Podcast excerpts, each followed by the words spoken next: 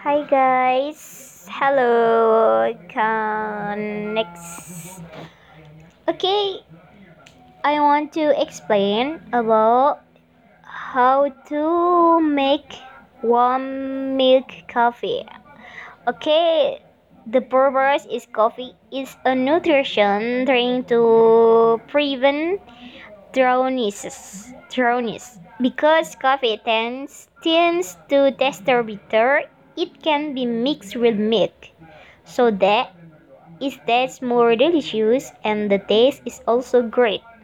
Here, here is how to make warm milk coffee easily.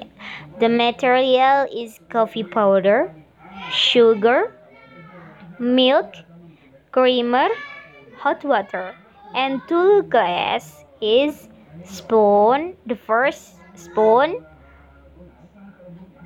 and the work step is the first prepare a glass for coffee. Second, the secondly put ground coffee and sugar in the glass. The thirdly add hot water then stir until evenly mixed. And the fourthly uh, and fourthly add milk and stir again until well blended.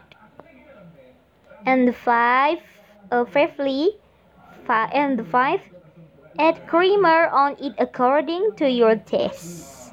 And six, or last, warm milk coffee is ready to be served.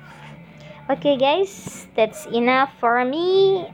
That enough explain for me. And thank you, and I apologize to you all uh, because my vocabulary is so less. Thank you, guys.